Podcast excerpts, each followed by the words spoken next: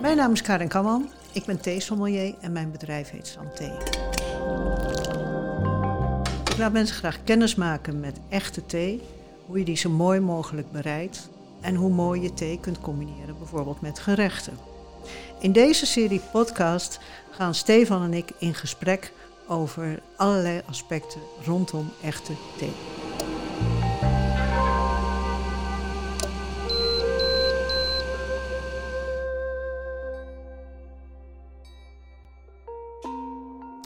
Hey, en Karin, kan je eigenlijk ook... eh, je kan koken met bier, je kan koken met wijn. Kan je ook koken met thee? Ja, natuurlijk kan je koken met thee. Wat kan je niet doen met thee, zou ik haast zeggen. Nee, thee in de keuken, eh, dat is eh, ook fantastisch. Daar kan ik dagen over praten. Maar eh, het is misschien eh, handig om een idee te krijgen... dat ik je even heel kort schets. Bijvoorbeeld een gerechtje wat eh, heel geschikt is om thee in te gebruiken. Ja, dat lijkt me leuk. Want ik heb jou net de Lapsang Souchong thee laten proeven. Ja, En ik zag je heel apart gezicht trekken daarvan eigenlijk. nou ja, kijk. Ik hou van eh, de geur van een houtvuurtje. Dat, Ja. dat, dat roept bij mij wel herinneringen op van de kampen. Van, dat is een bepaald romantisch geurtje of zo. Daar smaakte die eigenlijk naar. En aan de ene kant vind ik dat dus wel lekker, want ik heb daar positieve associaties bij, zeg maar. En aan de andere kant voelt het toch ook een beetje alsof je iets heel ongezonds naar binnen aan het werken bent. Omdat het gewoon proeft als brand eigenlijk. Ja, Ja, ja. Ik zeg altijd, het is net of je de barbecue aan het drinken bent. dat idee een beetje. En dat Ja. voelt ergens Stefan normaal heel zuiver. En nu heb je gewoon het idee van ik ben iets ongezonds aan het drinken. Ja. Nou, weet je, ik zal nu eh, niet verder uitgaan, ingaan op de Lapsang Souchong thee. Maar het is inderdaad een op houtskool gerookte thee, wat hem heel specifiek maakt. Ja. En als je nu gaat kijken van hoe je daarmee kan koken, dan heb ik, eh, dat is eigenlijk best wel een inkopper.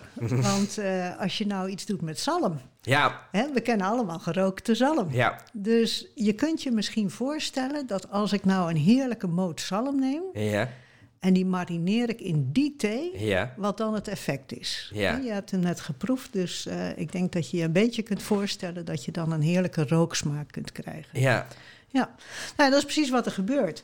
Dus ehm, ja, hoe doe je dan zoiets? ja hoe Eh, marineer je dat dan? Ja, hoe, hoe doe je dat? Hè? Ga ik de thee zetten en kieper ik dat er overheen? Of hoe werkt dat? Ja, nee, want wat wel eens gedacht wordt is van, eh, dan leg je er allemaal blaadjes op. Ja, En dan, eh, eh, dan wordt dat wel wat. Maar dat is, vind ik niet echt helemaal de methode. Mhm.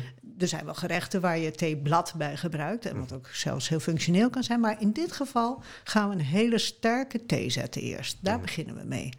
En die maak ik misschien wel op de dubbele sterkte dan ik normaal zou doen. Hmm. Nou, het is natuurlijk al een hele eh, heftige smaak. Ja. Dus je kunt je voorstellen dat als je daar eh, op die manier dat maakt, dat dat eh, best echt wel... heel sterk is. Ja, Ja. zeker. Nou, dan laat ik die thee laat ik afkoelen. Mhm, Kamertemperatuur. mhm, Ik ga naar de visboer uh-huh, en ik haal er een prachtige moot zalm. mhm, En die moot zalm die leg ik in de Lapsang Souchong thee. mhm. En dat eh, laat ik gewoon eh, een tijdje marineren. Wat is een tijdje? Nou, dat mag best wel een uurtje of vier. Oh, dat is echt wel een serieuze tijd. Vind ik wel, ja. Dat moet je van tevoren goed voorbereiden. Ja, de meningen lopen erover uiteen, maar ik heb zoiets van als je hem dan marineert, Mhm. dan mag er ook de smaak wel aanwezig zijn. En ja, nogmaals, gerookte zalm is natuurlijk, eh, die rooksmaak past heel goed bij zalm. Ja, Dus dat mag best wel. Nou, en ehm, dan kan je daar vervolgens kan je die zalm eh, gaan bereiden zoals je wilt. mhm? Je wil hem misschien stomen of je wil hem bakken of grillen of whatever. Maar wat ik zelf heel graag ehm, doe dan eigenlijk is dat ik er een, eh, een soort van eh, salade van maak. mhm, Wat ik dus doe met die zalm is ik haal hem uit de marinade mhm. en dan gaat hij even de oven in. Ja, Niet te lang, uh-huh. maar zo dat hij dus mooi sappig blijft maar toch een zekere garing heeft. Zeker aan de buitenkant, maar eh, het mag mooi sappig blijven. En die zalm die trek ik dan in stukjes uit elkaar. ja, En dan eh, doe ik dat bijvoorbeeld in een salade met ehm, rucola, avocado's, sugar snaps vind ik dan lekker. En dan eh, beetje Japanse sojasaus bijvoorbeeld. Mhm. Eh, je kan er van alles mee doen. mhm. Dus, en dan heb je een fantastische salade, wat een heel mooi, ja, of een voorgerecht maakt, of misschien wel een eh, lunchsalade of zo. ja. En eigenlijk, die, die thee ehm, waar we het dan nu over hebben, met die hele branderige smaak, wordt die vaker gebruikt om mee te koken dan om gewoon op te drinken? Nee hoor.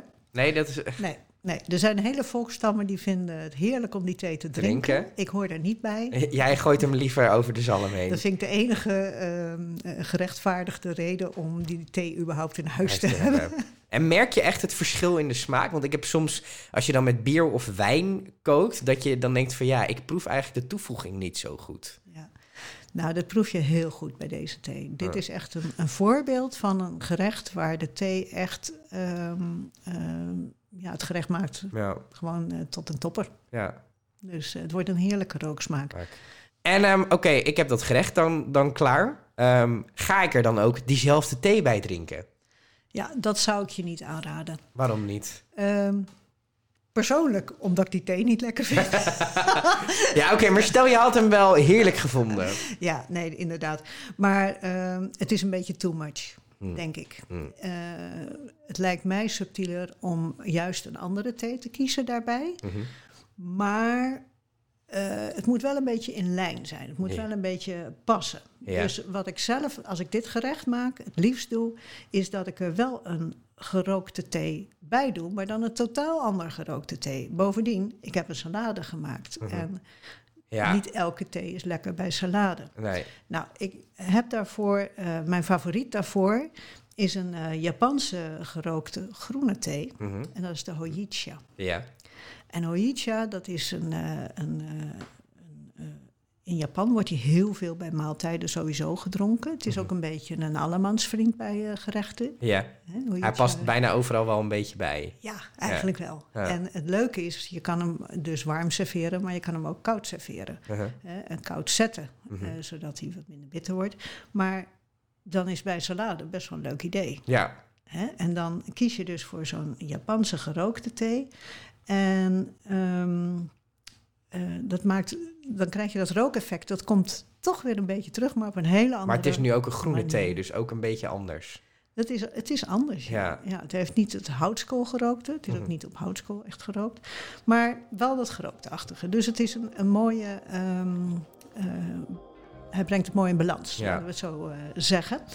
En als je hem dan eh, bijvoorbeeld koud zet... en je doet hem in een prachtig mooi wijnglas... Mhm. je zet de karaf op tafel. Nou, echt... Misschien zo juist in de zomer...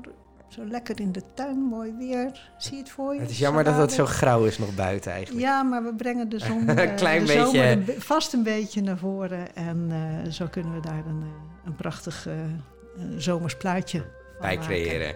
Ja, smullen. Smullen geblazen. Ja, kom eens eten.